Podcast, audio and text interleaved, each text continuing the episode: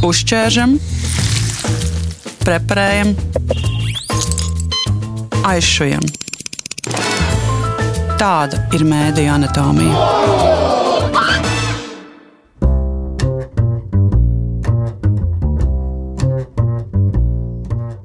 Sveiciens visiem, kuriem interesē Latvijas mediju un to aktualitātes. Kā atzīst mediju vadītāji, pašlaik viņu prātus nodarbina kādā veidā veiksmīgi integrēt un izmantot savā labā mākslīgā intelekta iespējas. Piemēram, mūsu kolēģi no LSMLV izmanto dažādus rīkus, lai rakstītu vai tulkotu ziņas, izgatavotu vizualizācijas materiālus, šifrētu audio ierakstus un meklētu idejas virsrakstiem. Mums, mediju anatomijas veidotājiem, šķita interesanti uzzināt vairāk par to, kā Latvijas mediji izmanto mākslīgo intelektu savā labā, un uz sarunu aicināja Artūru Mētni, kurš pašlaik katru nedēļu dažādos semināros izglīto dažādu nozaru pārstāvjus par mākslīgo intelektu. Mūsu raidījumā jau esam runājuši par to, vai mākslīgais intelekts varētu izskaust žurnālistu profesiju, un secinājām, ka prasmīgi žurnālisti būs vajadzīgi arī turpmāk, un tam piekrīt arī Artūrs Mednis. Neapšaubāmi mākslīgais intelekts arī ietekmē mēdīju vidi. Un es negribētu teikt, ka ietekmēs. Es gribu teikt, ka jau ietekmē, tas jau pasaulē notiek. Latvijā drusku, drusku mazāk, bet tomēr tas nāk arī iekšā. Bet nu, mēs esam daļā no tajā saka, globālajā mēdīņu tirgu arī daudz mūsu mēdīju satura patērētāji patērē arī globālo saturu. Tātad mēs tur esam, mēs esam sociālajos tīklos, kas, kas jau gadiem ilgi izmanto mākslīgā intelekta dažādas rīkus un iespējas. Ja? Un tas nav nekas jauns. Pasaulē jau notiek jau gadus desmit vai deviņus atpakaļ.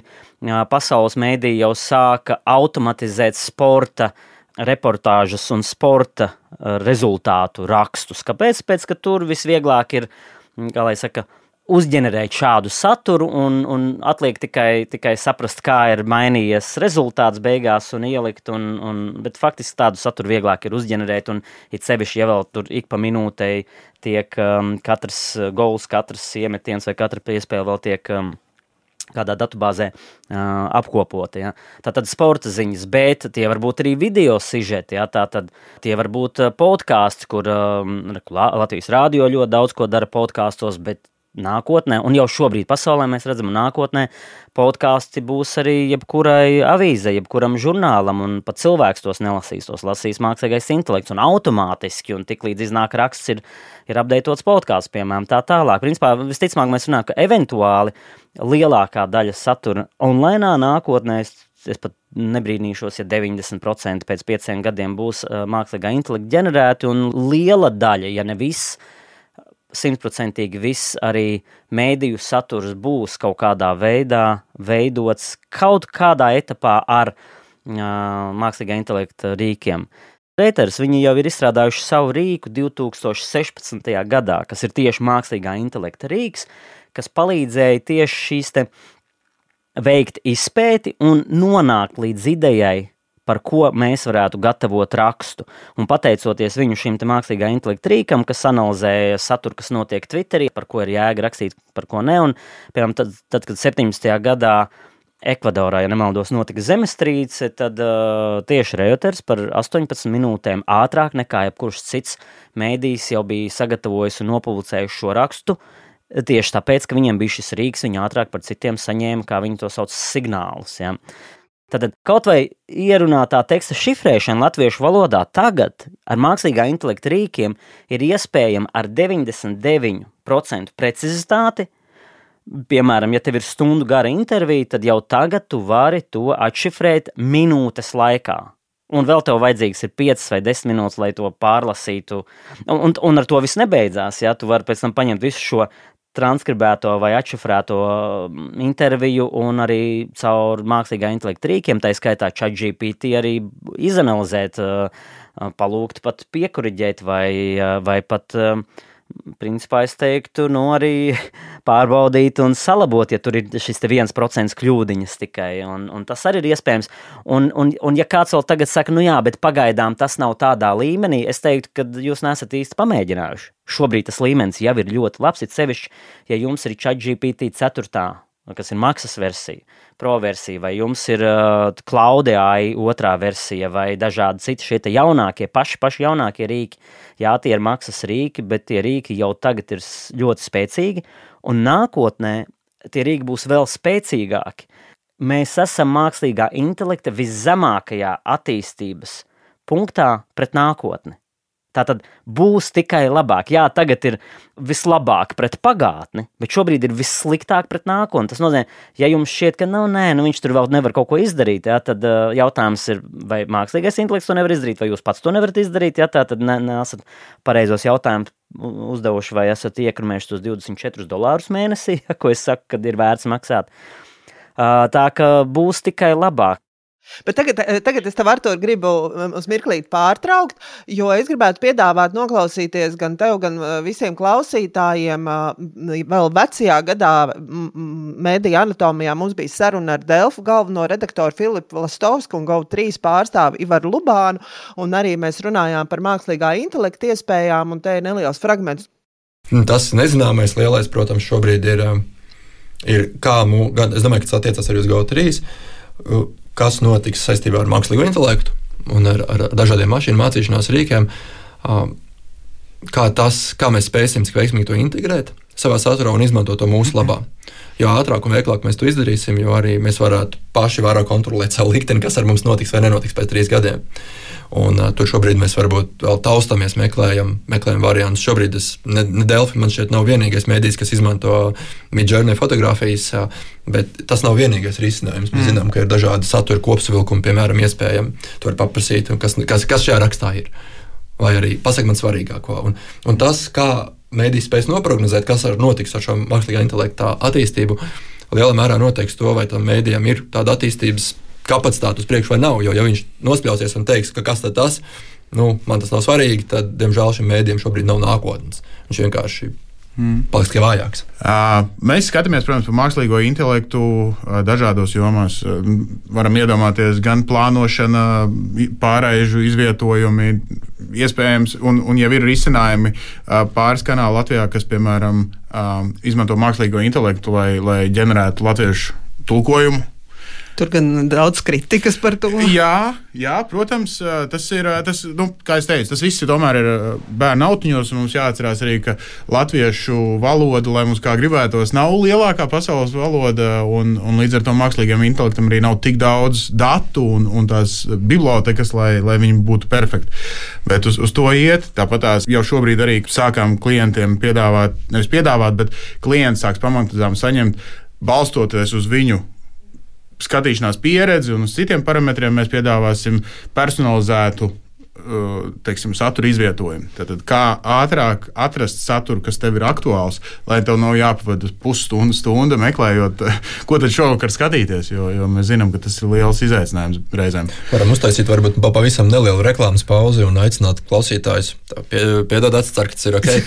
um, piedalīties balsu talkā, jo tā, ir, tā šobrīd ir tāda kampaņa aizvien, kur var ierunāt latviešu valodu. Uh, un tālāk, lai tā latviešu valodas uh, bāze krātos ar vien lielāku un lielāku, tur tomēr uh, stundās, cik daudz tur tās mm. stundas, ja nemaldos, kas tiek ierunāts. Lai, lai tieši šādiem risinājumiem pēc tam mēs latviešu valodu arvien vairāk dzirdētu, lai nebūtu jāizlīdās ar angļu valodu vai kādu citu svešu valodu, mm. lai mums būtu mūsu latviešu valoda. Latviešu valoda jākopja. Jā, jā, pilnīgi noteikti. Tā kā apkopojot par mākslīgo intelektu, es domāju, ka visi šobrīd taustās un mēģina saprast, ko tiešām no tā ir vērts izmantot un kā izmantot.